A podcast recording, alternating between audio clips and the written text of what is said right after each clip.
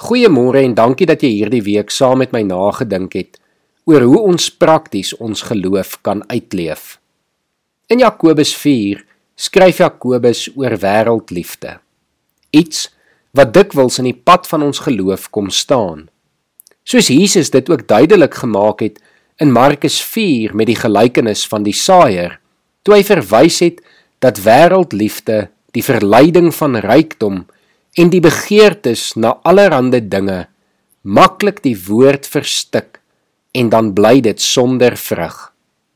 Paulus het ook gereeld oor hierdie konsep geskryf en ons herinner dat ons in hierdie wêreld leef maar nie aan hierdie wêreld behoort nie. Ons is maar pelgrims op pad na ons ewige bestemming. Ons is burgers van die koninkryk van God. Indien ons dus ons geloof ten volle hier op aarde wil uitleef, behoort ons altyd te onthou dat hierdie wêreld 'n tydelike blyplek is. Jakobus spreek dan hierdie baie sterk aan in sy brief en ek lees vir ons voor hoe hy dit uh, stel in hoofstuk 4 vanaf vers 1 tot en met 10. Waar kom die stryd vandaan? Waar kom die risies onder julle vandaan? Kom dit nie van julle selfsugtige begeertes wat gedurig binne in julle woed nie. Julle wil dinge hê, maar kry dit nie en wil dan moord pleeg.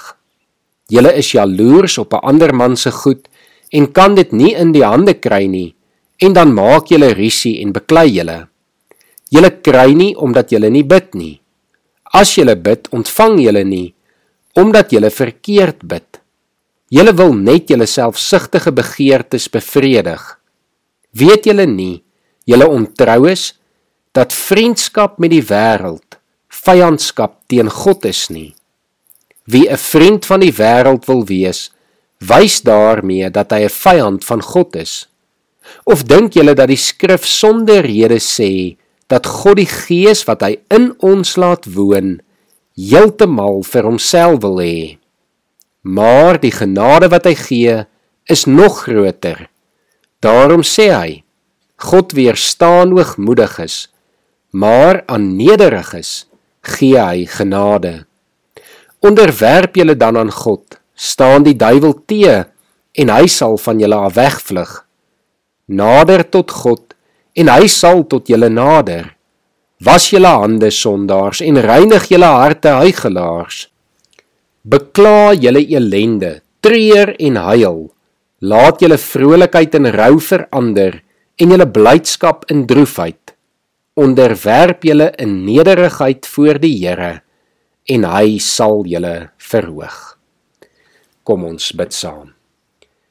Here, dankie dat ons vanoggend weer bewus kan wees dat hierdie wêreld 'n tydelike blyplek is. En Here, dat ons nie hierdie wêreld so lief moet kry nie dat dit in die pad van ons geloof in U kom staan nie. Dat ons nie ons burgerskap wat ons van U ontvang sal verruil vir 'n tydelike burgerskap hier op aarde nie. Here mag ons altyd deur die Gees onthou word dat ons maar pelgrims is wat tydelik hier deur beweeg, Here, en U evangelie, die goeie nuus dat daar 'n ewige koninkryk bestaan, aan hierdie wêreld kan verkondig. Here gaan vandag met elkeen van ons Help ons om hierdie week se oordeenkings ook in ons lewens te bly toepas, Here, sodat ons op 'n praktiese wyse ook ons geloof sal kan uitleef. Ek bid dit in Jesus se naam. Amen.